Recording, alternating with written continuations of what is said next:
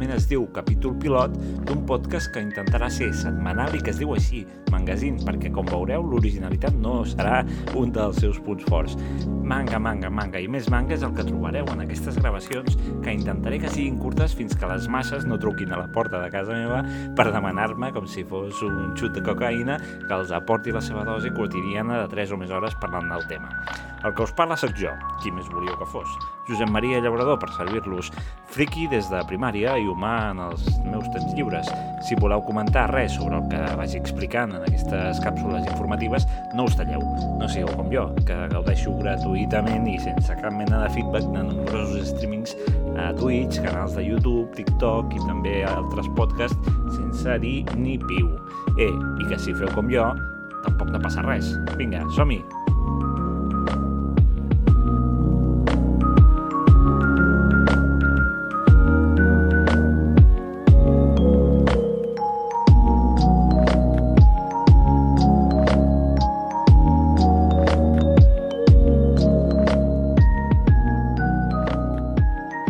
Aquest és el primer programa, us explico ràpidament la mecànica perquè estigueu avisats. La gràcia que sigui setmanal és que pugueu estar al dia, si us ve de gust, de l'actualitat relacionada amb el món del manga i de l'anime als països catalans i al Japó, és clar. Per això, al principi de tot, sense fotre gaire rotllo, hi haurà aquesta petita secció de butlletí on comentaré les novetats més candents. D'altra banda, aquest podcast està pensat per tots els públics. No en tens ni idea de manga, però t'interessaria endinsar-t'hi? Fa 20 anys que no mires ni un sol anime ni llegeixes res relacionat amb el món, et vas quedar amb el 3XL, t'has començat a reenganxar gràcies a les sèries de Netflix, Amazon, Filmin o qualsevol altra plataforma, és possible que la segona secció t'interessi. I és que farem un rewind, un rebobinat, per la història del manga i de l'anime del nostre país. Començant avui pels anys 80 i continuant la setmana vinent per l'explosió en bola de drac, aniré relatant les diferents sèries i en quins formats ens han anat arribant al llarg dels anys. Unes sèries que expliquen, al cap i a la fi, com s'ha construït tot aquest submón de l'afició pel manga i l'anime i, per conseqüència lògica, la cultura japonesa i asiàtica. També repassaré les editorials, distribuïdores, canals de televisió, de debats, salons i un llarg etc perquè amb el pas del temps la secció d'actualitat no t'agafi, si és el cas, tant a contrapeu com em va agafar a mi ara ja fa uns quants anys. Una posada al dia que si estàs a l'última de tot el que passa, potser també et pot interessar per refrescar idees i descobrir curiositats que potser no coneixies del nostre passat més immediat. I acabaré el podcast en cada ocasió comentant una sèrie, un autor, una revista, en definitiva, una anàlisi o recomanació perquè en cas que després de tot plegat tingueu ganes de xafardejar, pugueu fer-ho sabent a què us enfronteu. Som-hi!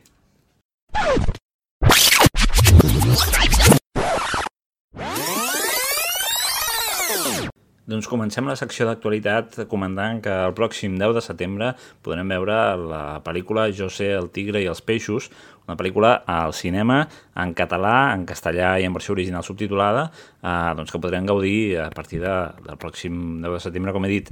Endavant! Tot va començar aquell dia. A partir d'ara seràs el meu criat. Ei, hola. El nom de la noia és... És Joan? No, José. José. Que treballaré en aquesta casa, doncs? La Comijo et dirà el que has de fer, d'acord? Esforça't més. Porta'm trèvols de quatre fulles. És molt egoista. No te m'acostis. És capriciosa. Estàs empaïnt el meu territori. És impulsiva. Penso fer-la plorar. Però... Porta-m'hi. Porta'm fins al mar, sisplau.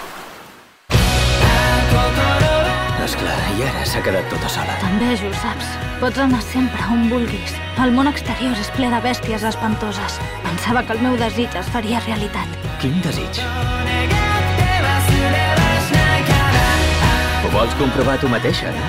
Ets molt atrevit per ser un criat. L'estiu que fas 22 anys només passa una vegada a la vida. Ha treballat moltíssim per aconseguir el seu somni. Però els somnis són una cosa i la realitat una altra.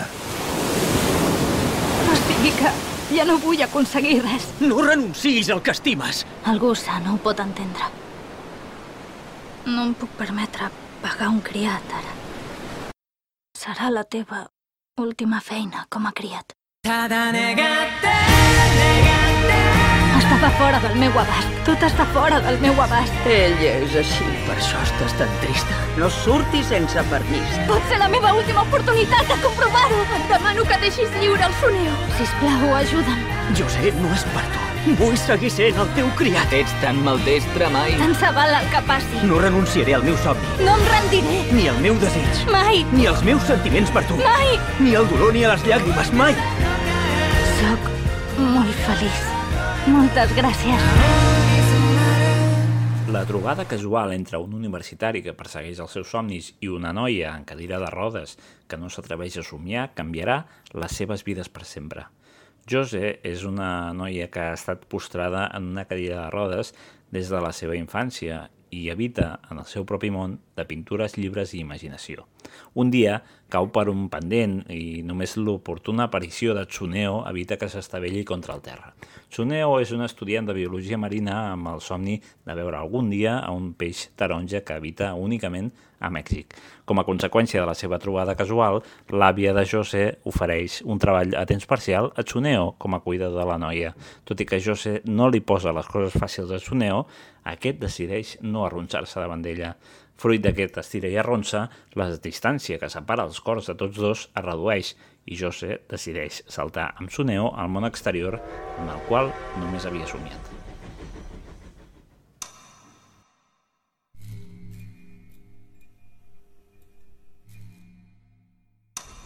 Quina gran alegria és morir-se als somnis.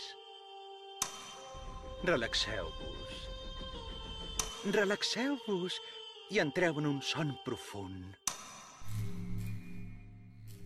Ah? Tanjiro, ja has tornat?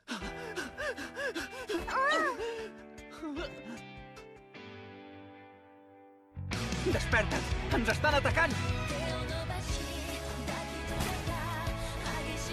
Molt malament, molt malament. Respiració de les flames, primera forma. Envestida del senglar! A la meva Nezuko no la toca ningú.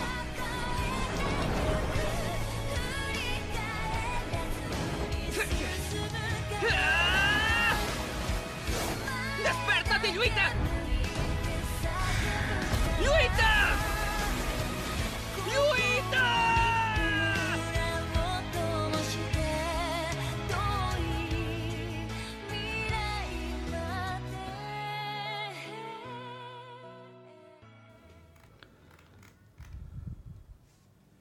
Seguim amb les novetats d'anime a casa nostra perquè el dia 13 de setembre, amb l'inici de curs, podrem gaudir ja a les plataformes a, a la pel·lícula Guardians de la nit, el tren infinit, una sèrie que vam poder gaudir al cinema fa ben poc, eh, tant en català, castellà com en versió original subtitulada, eh, i que mm, doncs, ara podrem gaudir de nou eh, per qui tingui accés a, a les plataformes. També a l'apartat d'anime continuem perquè To Your Eternity, un anime doncs, que no ha arribat encara al nostre país, però sí que l'hem pogut gaudir eh, doncs, en original subtitulat, eh, doncs comptarà amb una segona temporada. El manga, que està editat per Milky Way Ediciones, eh, doncs, té bastant d'èxit i la versió animada, doncs, apareguda fa poc en la darrera temporada d'anime al Japó, ha tingut també eh, molt de rebombori i, per tant, doncs, aquesta segona temporada respon a la resposta que ha tingut per part de, dels aficionats a, a l'anime en, en el Japó. Passem a les notícies que tenen a veure amb el món del manga a casa nostra. Eh, D'una banda tenim eh, doncs, l'editorial Ibrea, que va confirmar aquesta setmana passada la publicació en un futur, encara no se sap eh, encara quan exactament, antologia d'històries d'amor d'Io Sakisaka, l'autora d'Oharu Wright o Straw Age, unes històries que doncs, són segurament força conegudes en aquest estil de shoujo romàntic que l'autora doncs, ho fa força bé i personalment recomano, però en tot cas que sapigueu doncs, que d'aquí poc en un sol volum tindrem eh, més històries d'aquesta autora japonesa. També en un altre editorial, en aquest cas la catalana Oso Comics, ha eh, fet públic que ja es pot eh, fer la pre-order, eh, és a dir, eh, encomanar abans que surti publicat eh, a, canvi d'uns regals, etc. doncs eh, aquesta preordre de el segon volum de Kamen Rider. Kamen Rider, aquesta sèrie doncs, que és com eh, l'avançala de tot el món del tokusatsu i dels Power Rangers, etc etc. doncs el, el que és eh, aquest manga de Shotaro Ishinomori eh, Kamen Rider, el segon volum, sortirà publicat eh, doncs a finals de setembre, segurament principis d'octubre. I una altra novetat que tenim, que ve en aquest cas del Japó, és que Takeshi Obata començarà una nova sèrie a l'octubre, aquest dibuixant, que el coneixem per les seves obres de Death Note o Platinum Man, eh, doncs tornarà a, a publicar una sèrie. Se, sembla que tindrà a veure amb el món del còmic, és a dir, de, del, d'un duet còmic, però no sabem, no tenim més informació perquè encara no ha sortit ni tan sols el primer capítol, no, només s'ha fet l'anunci de, de, que hi haurà una, una nova sèrie. I passant ja doncs, a les novetats editorials que tindrem o que ja tenim aquesta setmana, eh, primer de tot hem de comentar que doncs, aquest dilluns va sortir publicat Dragon busca casa, el número 2, d'aquesta sèrie que publica l'editorial Hydra. Ahir, eh, dia 31 d'agost, també Milky Way va publicar el volum únic Silent Blue, el número 13 de Summertime Render, el número 11 de Bakemonogatari, el número 19 de Vistars, el número 9 de Blue Period, el número 9 de Drifting Dragons, el número 3 de Happiness, el número 3 d'Insomniacs After School i el número 7 de Shadow House. Mentrestant, avui es publica el número 3 també de Give My Regards to Blackjack per l'editorial Sekai, aquesta sèrie doncs, que ja s'havia publicat abans amb l'editorial Glenat i ara amb aquesta nova reedició enmig d'una pandèmia, una sèrie que recordem va d'un uh, metge en pràctiques que denuncia certa precarietat laboral al món mèdic, al Japó, etc. Doncs, bueno, és una sèrie a tindre en compte, encara que sigui una reedició, eh, com a mínim perquè li doneu un cop d'ull.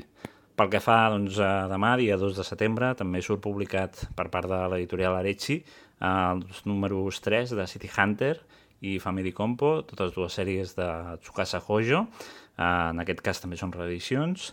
També tenim mi Gaucho, de eh, l'edicions Babylon, el número 3, i un nou volum també de We Never Learn, de l'editorial Ibrea.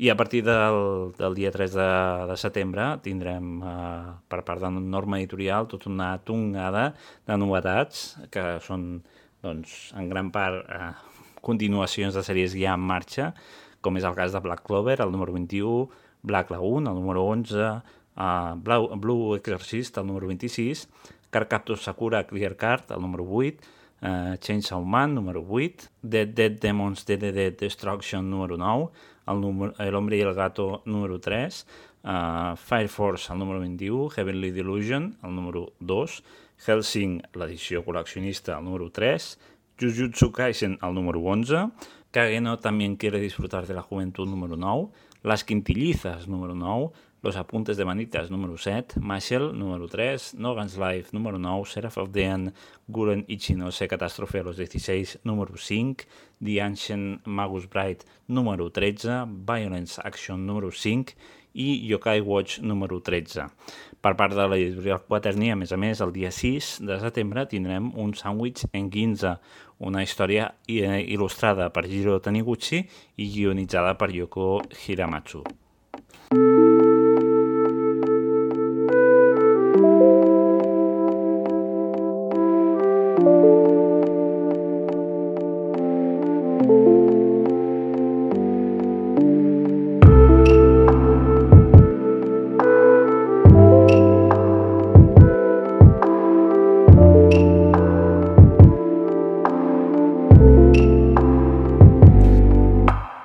Necessito algun tipus d'intro a cada, de cada secció. Bé, pel moment ho deixaré així. Un cop repassada l'actualitat, eh, passem a recordar el passat. Si us dic que Cavall Fort i Mao Tse-tung van ser l'inici del manga a l'estat espanyol, com us quedeu? El 26 de desembre de 1961, la revista de còmic infantil en català Cavall Fort va ser la primera a donar a conèixer el manga al nostre país. Era un número especial, una mostra del còmic mundial que va coordinar Antonio Martín i va permetre que el públic català tingués el seu primer contacte amb el còmic japonès. Això sí, un còmic bastant antic. La història que s'hi va imprimir era originàriament de l'any 1929 i pertanyia a un dels autors més reconeguts del que podríem anomenar com la prehistòria del manga, Rakuten Kitazawa. No és precisament fins als eh, 40 o 50, amb la postguerra, quan ja podem parlar de manga modern, sobretot gràcies al gran mestre Osamu Tezuka. Perdoneu que no em vulgui allargar gaire, però és que ja en parlarem eh, un altre dia aprofundidament d'Osamu Tezuka i de tota aquella època. Continuo, perquè no va ser fins l'any 1979 que tenim el segon impacte del món del manga. L'editorial Grijalbo publica un volum únic d'una sèrie dedicada a Mao Zedong, l'històric líder de la revolució xinesa que precisament havia mort 3 anys abans. Aquesta biografia en còmic de, de Mao es va publicar en castellà, però el que sorprèn més és el que l'autoria de la, del llibre, del còmic, és de Fujiko Fujio, el doblet que es va encarregar anys més tard de la popularíssima sèrie Doraemon. Quin canvi, eh? De Mao a Doraemon. Potser hi podríem trobar algun lligam argumental? Si bé aquestes primeres publicacions de manga imprès passen força desapercebudes, l'èxit arriba encara de manera minsa amb les emissions de versions animades. Arriben Kimba, Allò Blanc o Meteoro, entre finals dels 60 i principis dels 70. Encara amb televisió espanyola com a única cadena de televisió s'emetria l'any 1975 Heidi i el 76 Marco, mentre que el 78 oferia Mazinger Z.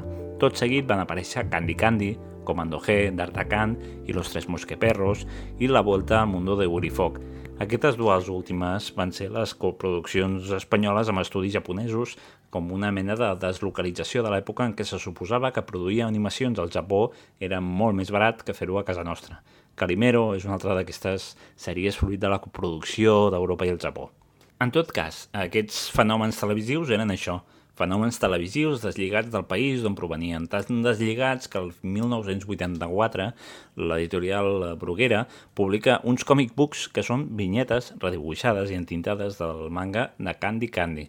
Candy Candy Corazón, així es va titular aquesta sèrie de còmics, partia els capítols com més els convenia a l'editorial i va arribar a publicar 26 números amb 24 pàgines cadascuna.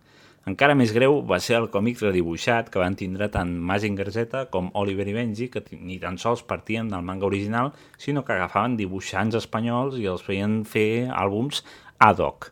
Dos anys després de Candy Candy, el 1986, van aparèixer 16 volums de Sherlock Holmes eh, en un format similar. No va ser fins al mes d'abril de 1990 i potenciat més tard per l'èxit de l'estrena de la pel·lícula als cinemes que es comença a publicar manga amb els ets i uts al nostre país.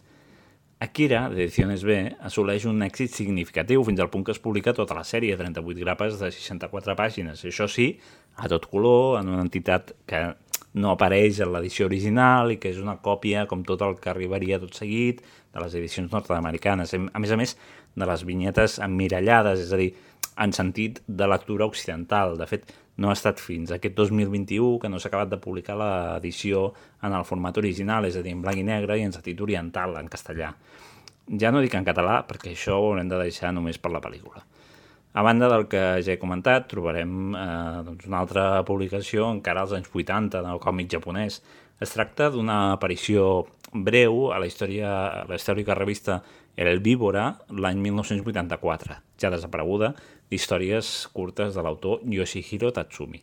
Aquest autor, que el coneixem per obres com ara Una vida errante, eh, publicada per Estiberri, va ser un dels puntals del que al Japó ja feia temps que se'n parlava, el Geikika, un moviment artístic de diversos autors que volien traslladar el món del manga a un públic també adult.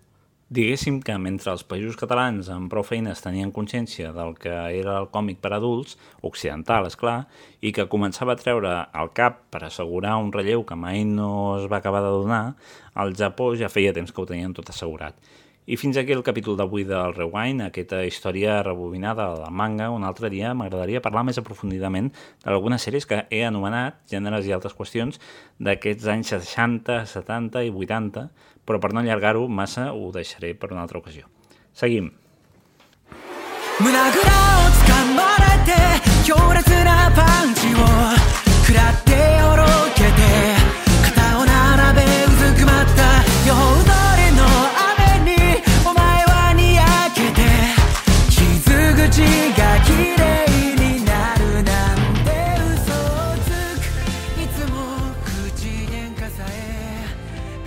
Aquesta cançó que esteu sentint ara mateix és l'opening de Tokyo Revengers, un anime mm, acabat d'estrenar al Japó, en el que és la seva primera temporada.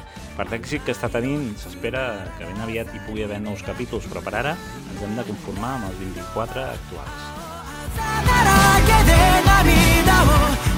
Tinguis l'edat que tinguis, tu, persona desconeguda, que hi ha a l'altre costat dels auriculars o els altaveus per on soni aquest podcast, és possible que en algun moment de la teva vida t'hagis plantejat que estaria molt bé que existís una màquina del temps per canviar algun error del passat per ser una persona diferent de la que ets ara mateix, per recuperar alguna amistat que vas perdre injustament o per simplement deixar de penedir-te de certes accions o moments de fa molt de temps.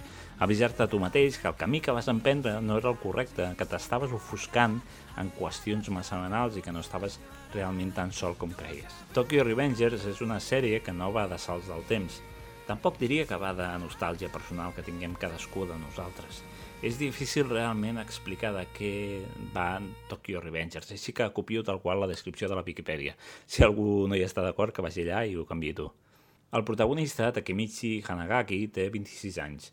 Treballa en una feina precària i fa temps que ja no té contacte amb els seus excompanys d'institut.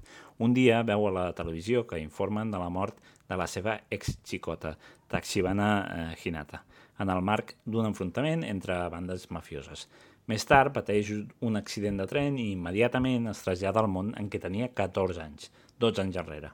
Llavors, ell també era un delinqüent i arran de diversos esdeveniments promet que farà el possible per canviar el món passat per tal que en el seu present Tachibana Hinata encara sigui viva. En realitat, és molt més que tot això.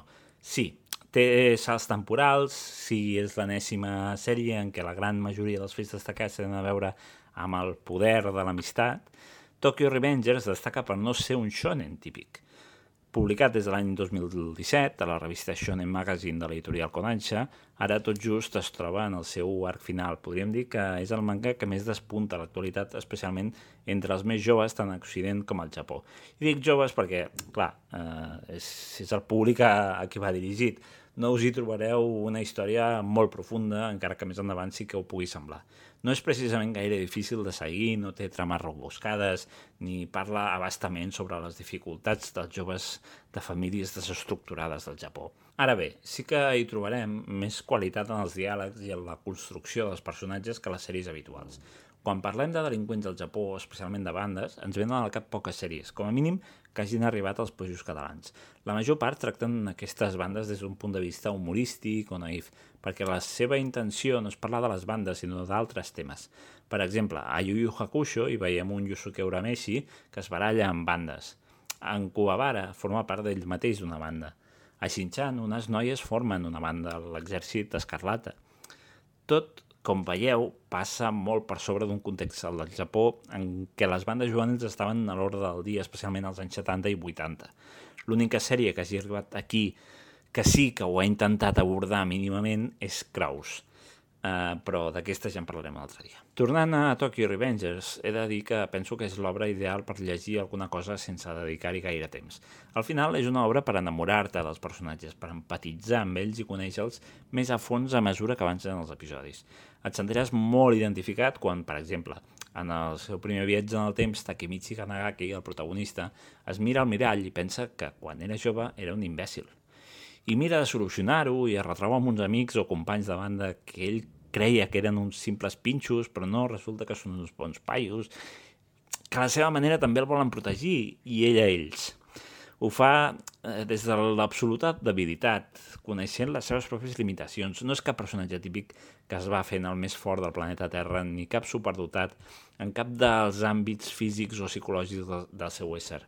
No, és un simple simple tipus normal, com tu i com jo. Un dels motius pels quals s'ha viralitzat aquestes sèries també per fer ús sense complexes del manji, una esbàstica religiosa que s'utilitza al Japó però que va en el sentit contrari que l'esbàstica nazi. De fet, no és ni tan sols exclusiva del Japó, sinó de diferents països i cultures asiàtiques, però d'aquest tema ja en parlarem un altre dia. El cas és que la banda en la que participarà el nostre protagonista es diu Touman, acrònim de Tokyo Manji, i la seva simbologia compta amb aquesta esbàstica. Quan va aparèixer l'anime van censurar pels països occidentals aquesta esbàstica, un fet que va viralitzar encara més un manga que ja començava a ser conegut. La censura, absurda des del meu punt de vista, ja que no feia en absolut referència a la ideologia nazi, va despertar la indignació dels fans. La sèrie també per gaudir de l'art que té. Al principi no és especialment gran cosa, però els seus personatges cada cop sembla que cobrin més i més vida. Les vinyetes i els dissenys de les pàgines també semblen fets perquè no perdis gaire temps a, arribar a aquells moments en què és possible que alguna llagrimeta surti dels teus ulls i després de tant de sofriment, perquè sí, és una sèrie per alegrar-te i sofrir amb els bons i els mals moments. Tot i així, és el que és. A mi no m'agrada gaire quan em fan una recomanació dient-me que sí, que aquesta sèrie parla de les problemàtiques socials del Japó, dels seus conflictes interns, etc etc. No és un assaig sociològic, res més lluny de la realitat. És un manga sobre bandes delinqüents i personatges que es volen salvar i acostar emocionalment els uns als altres. Cada cop més amics i alhora cada cop més en perill per assolir l'objectiu final. Fer que Tachibana Hinata sigui viva quan tingui 26 anys. Ho aconseguiran? Per si ho voleu descobrir, l'anime ara mateix es pot veure de manera legal a Crunchyroll, això sí, només amb subtítols. Pel que fa al manga, aviat sortirà publicat en castellà, malgrat que encara no se sap quina editorial ha estat qui s'ha endut la llicència. Sí que es pot aconseguir ja la seva versió en francès i en italià per les editorials Glenat i G-Pop. I fins aquí el programa d'avui. Recordeu, és programa pilot. Eh, amb total sinceritat em podeu expressar doncs, les vostres crítiques, els vostres dubtes. Qualsevol comentari que vulgueu traslladar doncs, serà benvingut. Eh, ens veiem d'aquí una setmana, espero, i eh, doncs, intentaré respondre a tots els comentaris que pugueu fer. Fins a la propera. 君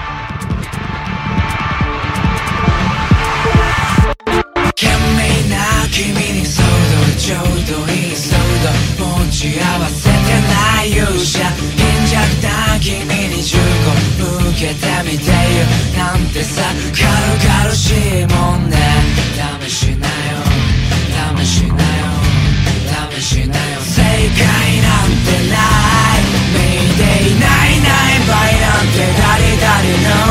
探せ探せか？ビーバップな生活。ペイメイ拍手もダメダメの神らのみ迷惑じゃね。バイバイ来世しょうもねえ後にベイベー緩和せよ先生。躊躇してる暇はねえぞ。明白ない後に天罰下せよ先生。なんてさ生々しいもん。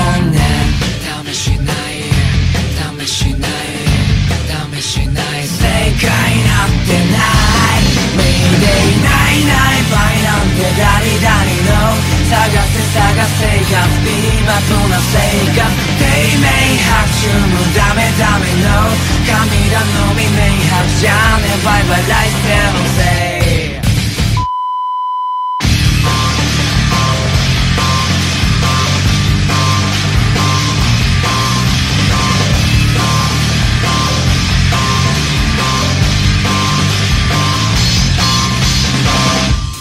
Cause number one 世のせい後日のナンバーはワンダー偏見と衝動を吐いて大体の感情はそうだ。Yeah ないない場合なんてダリダリの。探せ探せかスピーバップな生活低迷拍手のダメダメの。じゃあねバイバイ来世のせい。Oh じゃあねバイバイ来世のせい。